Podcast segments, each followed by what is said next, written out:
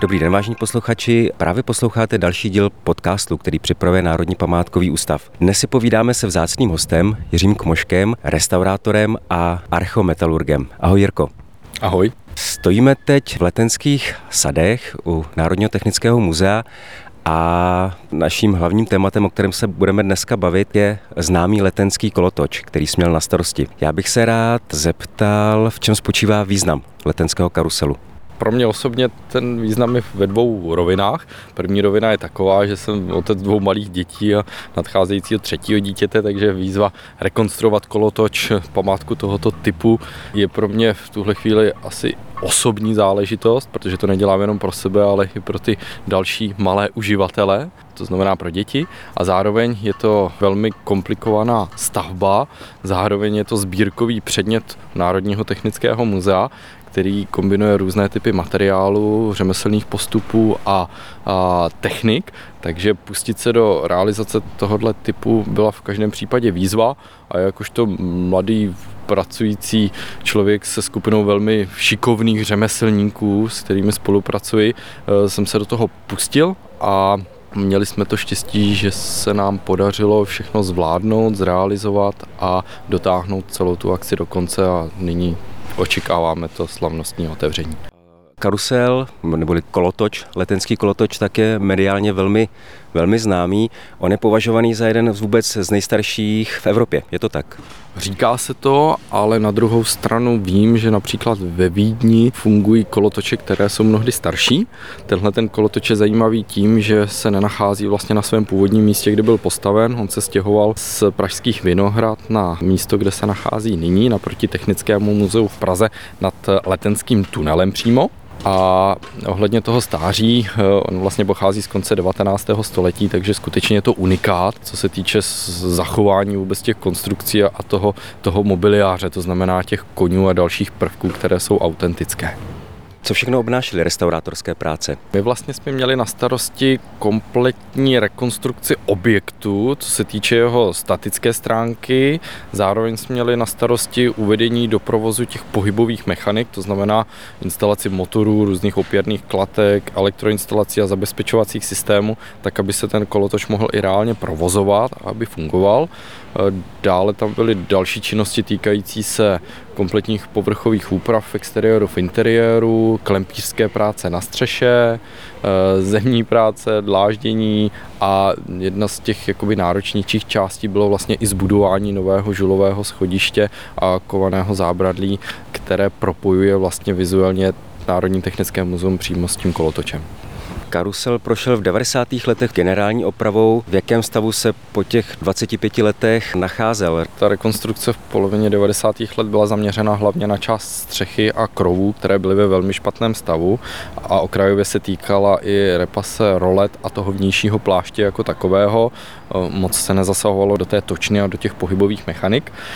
A když bych to srovnal vlastně ten stav, který my jsme přebírali, než jsme začali tu stavební obnovu nebo restaurátorskou obnovu kolo kolotoče, tak ta byla v roce 2021 vlastně velmi srovnatelná s eh, rokem 1995, než začínala ta rekonstrukce a nechci to nikomu přičítat za vinu, ale velmi se na tom podepsala neúplně vhodně provedená, částečně provedená obnova toho objektu, která probíhala v několika letech předtím, než jsme začali s tou obnovou my. Objekt je téměř 130 let starý, nebo můžeme se domnívat, ono se přesně neví tedy, kde byl postaven.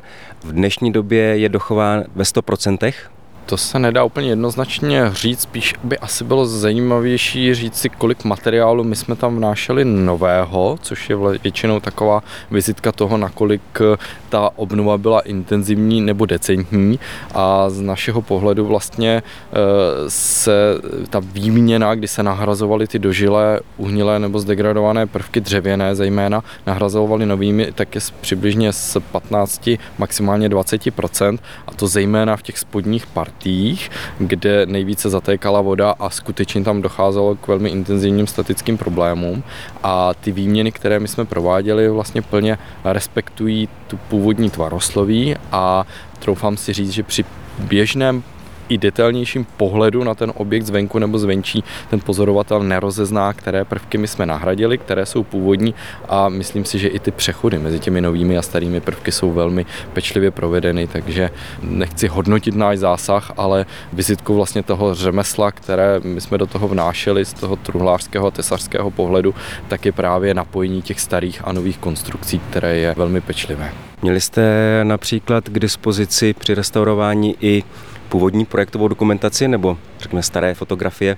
Měli jsme možnost do, nahlédnout do té, do té výkresové dokumentace z doby vzniku kolotoče a zároveň jsme měli možnost nahlédnout i vlastně na analogickou stavbu od stejného autora, která vlastně stojí na pražských Vinohradech a je to jedna ze skladových prostor Vinohradského pivovaru a tam skutečně jsme rozpoznávali úplně identické nejenom e, konstrukční prvky, ale i, i rukopis vlastně těch tesařů a truhlářů, které vyráběli ve stejném období analogickou stavbu. Kromě toho technického základu má kolotoč i herní prvky, koně, rytíře, autíčka. Jakým způsobem do nich jste zasahovali, nebo v jakém stavu jste je vlastně přibírali na začátku restaurování? Nás se vlastně netýkala ta část restaurování koní, kterých bylo původně 22. Eh, ty byly vlastně řešeny v rámci samostatné restaurátorské akce jiným restaurátorem. My jsme pouze zajišťovali montáž těch zrestaurovaných konňů přímo na tu točnu kolotoče. Eh, dále se tam v interiéru nachází eh, pět autíček, jsou to repliky Škody z druhé poloviny 20. století, řemeslně velmi kvalitně zhotovenými, ale jsou to repliky novodobé, které nahrazují takové neúplně vzhledné, ale funkční krabicové auta, které se nacházely v kolotoči vlastně po dlouhé desetiletí a dále tam uprostřed kolotoče o ten středový sloup se opírají tři rytíři. Eh, tři rytíři jsou zhotoveny z papírmaše a stejně tak jako koně byla ta restaurátor restaurátorská obnova rytířů řešena v rámci samostatné akce a my jsme pouze prováděli montáž. To papírmaš tak je velmi citlivý materiál, i co se týče degradace věkem. Máš přehled, jakým způsobem ta obnova probíhala a rád bych se zastavil ještě u těch konňů, které, když jsme se teď před chvilkou byli podívat eh, dovnitř do kolotoče, tak mají novou srst. To restaurování rytířů vlastně prováděla restaurátorka paní Bradnová. Co se týče konňů, jejich restaurování probíhalo v restaurátorském ateliéru pana Ebla a to je velmi zajímavá věc, protože eh, původně ty koně ve stavu, než se ten kolotoč zavřel a přestal se provozovat, byly e, trošku strašidelní, aspoň co z těch fotografií si pamatuju, protože dřevěné jádro těch konňů, které je potažené e, koňskou pravou kůží a za ty desetiletí jejich používání došlo k kompletnímu setření srsti, takže to vlastně byla jenom, jenom nevyčiněná kůže zbavená srsti a let, kdy to bylo velmi strašidelné a ta restaurátorská obnova se zaměřovala na to, že nahrazovala ten původní eh, kožený pokryv za novou koňskou kůži a za tímto účelem aspoň podle informací, které mám v dispozici, tak se dovážela, eh, dovážela kůže z Francie. Eh, potahovaly se ty původní dřevěné korpusy tradičními sedlářskými technikami tak, aby byly pokud možno co nejméně vidět ty spoje a švy a působil vlastně ten kuň tím celistvým dojmem, respektive aby ten kuň působil dojmem hříběte, protože oni jsou to zmenšeniny velkých koní. Chápu to tak správně, že dneska se tedy děti budou moc eh, projet ne na strašidlech, ale řekněme na věrných podobách eh, konňů, jak bude letenský karusel otevřený. Zatím se předpokládá, že provozování toho samotného kolotoče bude zajišťováno externím provozovatelem, externím dodavatelem a to formou vlastně příležitostných eh, otevíracích cyklů, které budou zejména v podobu prázdnin a to o víkendech a případně o svácích, ale není ta forma toho provozování zatím úplně jednoznačně definovaná, protože to ukáže až první, to ukážou vlastně až ty první týdny potom, jak probíhá proces samotný a jaký o to bude zájem. Vrátil bych se ještě k té samotné technologii, respektive k, k motoru. Já jsem se někde dočet, že po té generální opravě v tuším těch 90. letech, tak tuším, že tam motor, který, který rozbíhal eh, celý ten systém, tak byl špatně nastavený, respektive byl nastavený na vyšší rychlost, což jako ten eh, samotný kolotoč eh, ničilo. Jakou rychlost jste teď zvolili, nebo jestli jste věděli vlastně, nebo měli informace o tom, jak rychle se ten kolotoč má točit? Ještě bych se vrátil úplně na počátek. Původně ten kolotoč ne nebyl poháněn vlastně žádnou mechanizací, pouze lidskou silou a to formou vlastně nožního pohonu, že se to nohou roztáčelo a nohou brzdilo. Postupem času se vlastně doplnila ta točna o elektromotor, ty otáčky byly skutečně nastaveny velmi vysoko a točilo se to velmi rychle na dnešní poměry a po konzultaci s bezpečnostními techniky vlastně se zvolila ideální rychlost eh, a to i na základě vlastně setrvačnosti. Musíme si uvědomit, že ty největší koně se nacházejí na tom vnějším obvodu točny a při osazení vlastně dětí na ty velké koně při tom roztočení v plné rychlosti je tam ta setrvačnost velmi velká, hrozí riziko pádu, takže my jsme zvolili rychlost, která v tuto chvíli odpovídá, předpokládám, asi pěti otáčkám za minutu, takže je to takové pozvolné, velmi pozvolné tempo otáčení, které by mělo být zároveň bezpečnou formou, jak, jak provozovat ten kolotoč. Ještě zůstaneme u té bezpečnosti. Ty koně jsou relativně vysocí. Oni mají nějaký metr, metr dvacet, můžu tak odhadovat, to není úplně výška, která by byla vhodná pro opravdu jako malé děti. Mm-hmm. Ano, my jsme s tím od začátku počítali a e, před, připravovala se vlastně, připravili se určité bezpečnostní opatření, jsou tam vlastně na těch dopadových, případně dopadových plochách voleny měkké pryžové materiály, které by mohly způsobit, které vlastně e, zamezí nějakému e, intenzivnímu kontaktu vlastně toho padajícího dítěte s tou podlahou jako takovou. Zároveň jsou v kolotoči instalovány bezpečnostní stop tlačítka, kdy v případě nouze je možné zastavit eh, chod toho kolotoče, je tam zároveň instalována i rychlobrzda v elektromotoru v případě potřeby. A jako další asi nejdůležitější opatření jsou kožené řemínky, kterými vlastně každá sedící osoba nebo každé to dítě, které si sedne na toho koníka, je připoutáno. A v případě pádu z toho koně by ty řemínky měly zamezit tomu, aby to dítě úplně spadlo, ale zůstalo vlastně fixováno pořád v nějaké relativně svislé poloze na tom koni. V nultých letech tak byl ukraden Orchestrion, nedělná součást karuselu. Našel se nebo byl osazen nový? Tuto chvíli do prostoru, vnitřního prostoru kolotoče osadil Orchestrion, který není původním orchestrionem, který zde fungoval dlouhá desetiletí, ale jedná se o orchestrion zakoupený, předpokládám, v aukci nebo z jiné instituce a jedná se o dobovou vlastně odpovídají, jak to říct, jednoduše jedná se o orchestrion, který dobově zapadá do toho, do toho prostoru, ale není to to ten původní orchestrion. Ti, kdo procházeli letenskými sady kolem letenského karuselu, tak si ještě v loňském roce tak si mohli všimnout, že karusel je nakloněný jeho statika. Tu jste řešili jak? My jsme vlastně díky velmi profesionálnímu přístupu mého bratra Vojtěcha a jeho tesařské party museli se vypořádat vlastně nejenom s náklonem toho kolotoče, ale i s jeho vlastně nerovnoměrným propadáním v důsledku nerovnoměrné degradace a uhnívání těch spodních dřevěných partií. A kdo tedy procházel kolem kolotoče v podzimních eh, měsících roku 2021, tak mohl vidět, že všechny výplňové desky, rolety a eh, další eh, vlastně plošné prvky byly demontovány a z kolotoče zůstala jenom jakási kostra, ta kostra byla ještě nerovnoměrně podstojkována a, a staticky zajištěna tak, aby jsme mohli jednak provádět narovnání toho kolotoče jako takového, ale zároveň i jsme prováděli vyzdvihování některých těch eh, sloupů a konstrukčních prvků v řádu několika desítek centimetrů tak, aby jsme ho vrátili do původní pozice a mohli jsme pokračovat pak s tou dílčí opravou těch zdobných prvků na vnějším plášti. Což technologicky probíhalo jak, jakým způsobem? Probíhalo to asi tak, že ten kolotoč byl na několika místech zavětrován, aby nám se jednoduše řečeno nezbortil. Ve středu celého toho kolotoče byla postavena samostatná tesařská konstrukce, která vynášela váhu krovu a pak jsme sloup po sloupu vlastně pomocí ručního heveru zvedali ty jednotlivé sloupy, podkládali je a fixovali v té eh, jakoby normální, v té regulární poloze a ve chvíli, kdy jsme měli celý ten objekt takto vyrovnán, tak se vyráběly protézy a e, dřevěné výměny těch nejpoškozenějších prvků, které se tam postupně kus za kus vyměňovaly za ty dožilé dřevěné stojky nebo sloupy původní.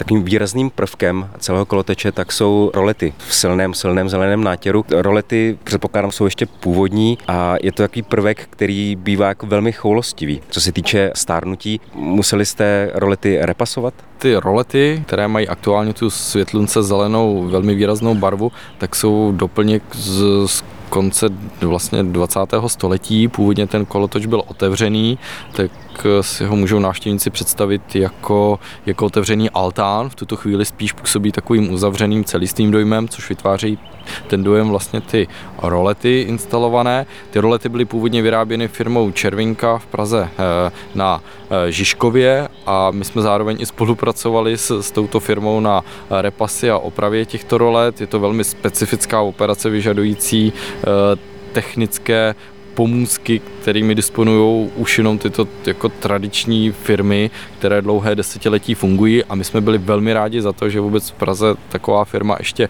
funguje, že vlastně má zkušenost s tímto typem realizací a zároveň, že šáhnou do šuplíku přesně pro tu pružinu, kterou my potřebujeme vyměnit, protože je prasklá, což je někdy nedocenitelná, nedocenitelná jako zkušenost.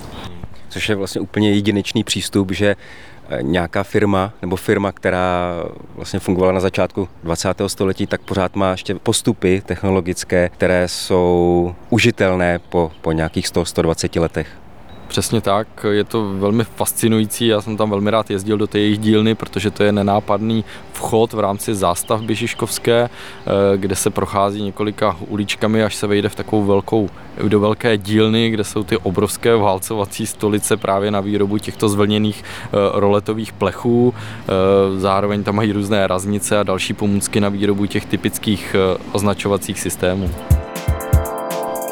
Do této doby jsme si povídali o letenském karuselu. Tvůj záběr restaurátorský je daleko širší.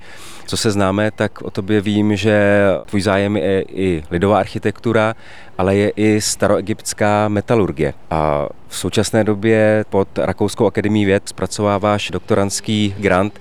Dá se nějakým způsobem propojit nebo přemostit zájem o staré egyptské postupy a s tou prací restaurátorskou současnou, myslím tedy přímo i tady i na letenském karuselu? No, ta spojnice je velmi, velmi složitá, velmi obtížně se rekonstruuje, pokud tam nějaká je, ale já vlastně původním zaměřením jsem umělecký kovář, následně restaurátor kovových památek a s tím souvisí vlastně i ten samotný zájem o historickou metalurgii a vlastně už od svých, jako, dá se říct, raných studijních let se věnuju vlastně intenzivně té badatelské činnosti na poli historické metalurgie a osud mě vlastně zavál až do prostředí Egypta, kde aktuálně e, velmi intenzivně pracuji spolu s dalšími kolegy přírodověci a egyptologi vlastně na tématu e, staroegyptské metalurgie, kdy odhalujeme vlastně velmi neznámé, ale přitom mnohdy základní aspekty toho, e, jaké materiály se zpracovávaly, jakým způsobem, odkud je získávali a jakým způsobem se pak ten, ty výrobky distribuovaly v té egyptské společnosti. Téma staroegyptské metalurgie tak je relativně nové, je to tak? Je to vlastně téma, které je v hledáčku badatelů už dlouhá desetiletí, troufám si říct i staletí, ale s přispěním vlastně moderních analytických metod se dostáváme do úplně nové roviny, co se týče možností a informací, které těmi analytickými metodami jsme schopni zjistit. Například třeba před 10-20 lety ty možnosti tady nebyly a to bádání se zaměřovalo hlavně na tu typologickou část a tvarovou část těch nalezených artefaktů nebo fragmentů historických. My aktuálně pracujeme s těmi nejmodernějšími analytickými technikami na poli eh, analytické chemie, geologických věd a fyzikální chemie a snažíme se určovat jak velmi detailní složení těch samotných kovových artefaktů. Snažíme se zjišťovat pomocí různých izotopových analýz původ používaných surovin a neposlední řadě i pomocí eh, různých metalurgických technik a analytických metod zjišťujeme i techniky výroby a zpracování těch předmětů. To znamená, že pravidelně se svým týmem jezdíš do Egypta, do Severního Sudánu, tam působíte nějaký čas. Co vím, tak je vlastně zákaz vývozu jakéhokoliv materiálu z Egypta. V jakém prostředí tam pracujete? To je velmi zajímavý dotaz, protože uh, skutečně platí zákaz jakéhokoliv exportu archeologických vzorků mimo Egypt, tudíž veškerá badatelská činnost na materiálu objeveným v nedávné době, což je majorita toho materiálu, s kterým pracujeme, tak musí probíhat přímo v Egyptě a v egyptských laboratořích laboratořích. Já aktuálně v dnešní době spolupracuji s jedním z kolegů z Českého egyptologického ústavu, konkrétně s Martinem Odlerem. On má na starosti tu archeologickou a egyptologickou část té badatelské činnosti a pak spolupracujeme s různými zahraničními expedicemi.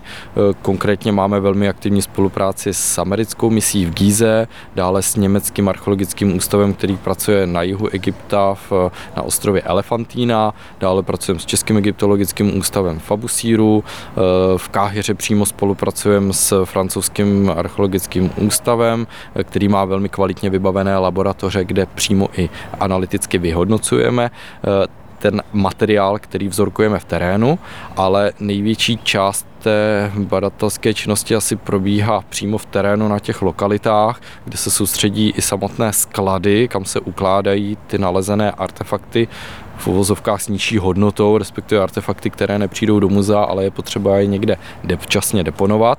A tam my vlastně sebou vozíme mobilní analytické metody, jsou to různé spektrometry, eh, kterými jsme schopni analyzovat v omezeném rozsahu, ale jsme schopni analyzovat a získávat základní analytické informace přímo v terénu. Jaký dopad má tento systematický výzkum?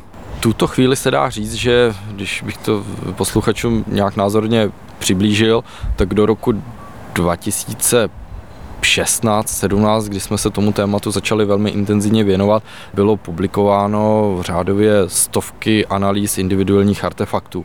A my za těch několik málo let, kdy se tomu tématu věnujeme, tak vlastně jsme znásobili počet těch stávajících analýz násobně.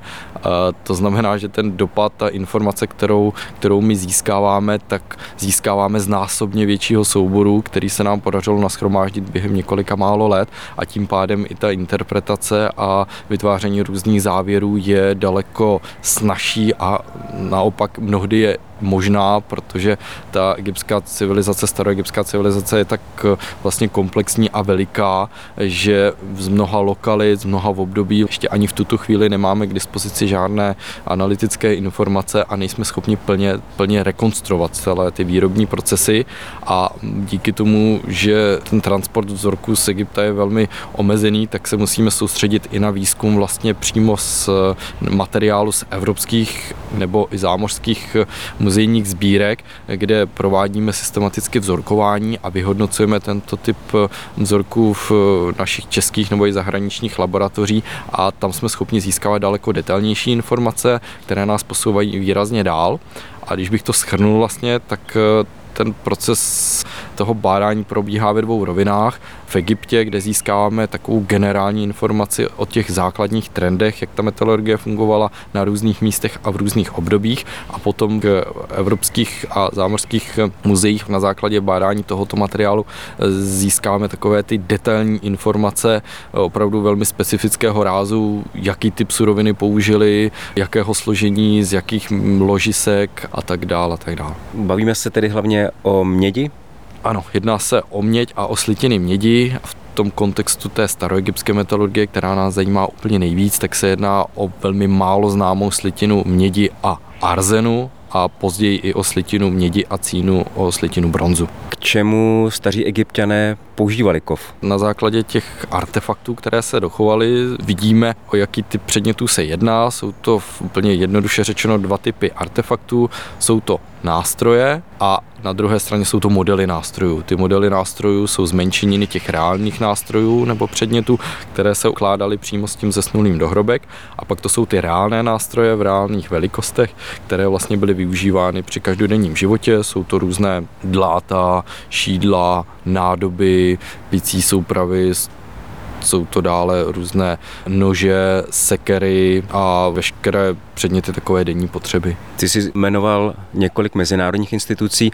Pracujete i s předměty deponovanými v českých institucích? Spolupráce s českými institucemi probíhá zejména na půdě Českého egyptologického ústavu prostřednictvím těch expedic a výzkumů přímo v Egyptě a do budoucna bychom velmi rádi eh, pracovali i na českých sbírkách eh, egyptských artefaktů a největší vlastně českou sbírkou eh, má ve svých vlastně združuje Národní muzeum v Náprskově muzeu v Praze ale zatím se, když to zní jako paradoxně, tak se věnujeme zejména tomu výzkumu v těch zahraničních institucích, kde máme mnohdy příslip nebo už provedené přímo fyzické vzorkování nebo nedestruktivní analýzy těch samotných předmětů. Vy za výzkumem jezdíte po mezinárodních institucích, kde provádíte vzorkování a dostáváte se i na půdu Spojených států, kde ty instituce jsou, řekněme, jako známy tím, že jsou jako velmi háklivé a je velmi těžké se dostat eh, do jejich, do jejich sbírek. Jak probíhá vzorkování tam? No, ono obecně to vzorkování historických artefaktů, respektive sbírkových předmětů nějakých konkrétních muzeí je velmi problematická věc, protože je to destruktivní zásah, i když odebíráme miligramy materiálu, což jsou opravdu malé množství, tak i tak se jedná o zásah do integrity a celistvosti těch předmětů. A komunikaci s těmi zahraničními partnery provádí kolega Martin Odler, egyptolog, a popravdě je to běh na dlouhou tráť. Například příští týden odjíždím musíme vzorkovat do Bostonského muzea umění, kde se část domlouvala několik let dopředu. To je stejný případ i dalších muzeí, s kterými spolupracujeme, například ve Velké Británii nebo v Německu. A spolupráce, které jsme měli velmi dobře rozjeté a domluvené, tak nám mnohdy zhatil ten ta covidová pandemie, kdy se veškeré cestování zastavilo a teď velmi obtížně vlastně navaz, na, navazujeme na ty, na ty zaběhlé. Spolupráce, které fungovaly velmi dobře, nicméně musíme se s tím poprat a nejtěžší vždycky pro nás je přesvědčit ty příslušné kurátory těch konkrétních sbírek o tom, proč chceme vzorkovat, jakou informací je vyvážena vlastně ta in, in, invazivní část toho vzorkování, respektive ten odběr toho samotného vzorku,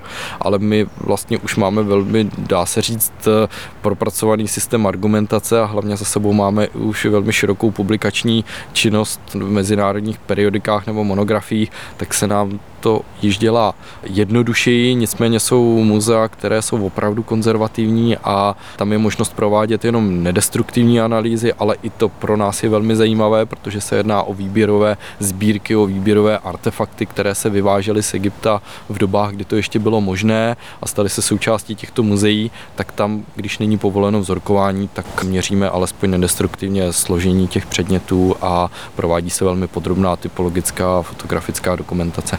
Ten projekt je tříletý, myslím projekt, který, který zpracováváte pod Rakouskou akademii věd. Jaké jsou konkrétní jeho výstupy a jestli vlastně s těmi výstupy budete dál pokračovat i po skončení projektu? Máme ten projekt v několika osách eh, rozpracovaný a realizujeme ho pomocí několika dílčích projektů. Tento rakouský projekt konkrétně to je stipendijní podpora mého doktorantského studia zaměřeného na tu staroegyptskou metalurgii, kterou financuje Rakouská akademie věd.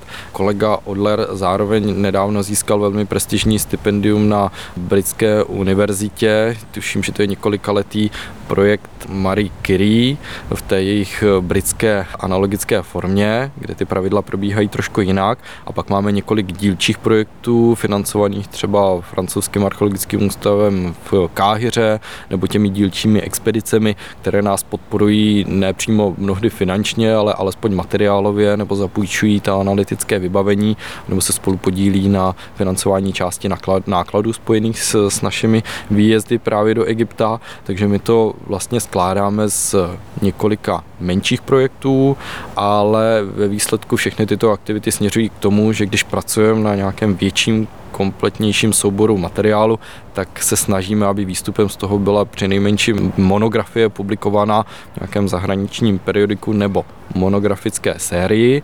Poslední věcí, která nám vyšla tohoto typu, tak je monografie, která loni vyšla v oxfordském nakladatelství Archeopress a to je konkrétně monografie zaměřená na zpracování egyptských artefaktů z univerzitní sbírky v Lipsku v Německu. Ta naše badatelská činnost dál bude směřovat velmi podobným směrem. V tuto chvíli máme k dispozici velmi velké množství vzorků, které se nám podařilo v uplynulých eh, měsících nebo letech získat a budeme se snažit podat si nějaký větší evropský společný projekt i s dalšími zahraničními partnery, v rámci kterého bychom pokračovali a ve větší míře a ve větší šíři zpracovali a dokončili ta témata, které máme vlastně rozpracované, anebo víme, že jsou tak velká, že jsme je načali pouze okrajově, ale v tuto chvíli máme velmi jasnou vizi o tom, co chceme dělat a na jakém materiálu a mnohdy ten materiál máme už k dispozici a budeme hledat vlastně prostředky formou evropských dotačních titulů, aby jsme, aby jsme dali dohromady větší projekt, pomocí kterého by se nám v dalších několika letech by nám to umožnilo v dalších několika letech systematicky ten materiál zpracovat. Přeji do budoucna hodně úspěšných projektů a děkuji za rozhovor. Taky děkuji.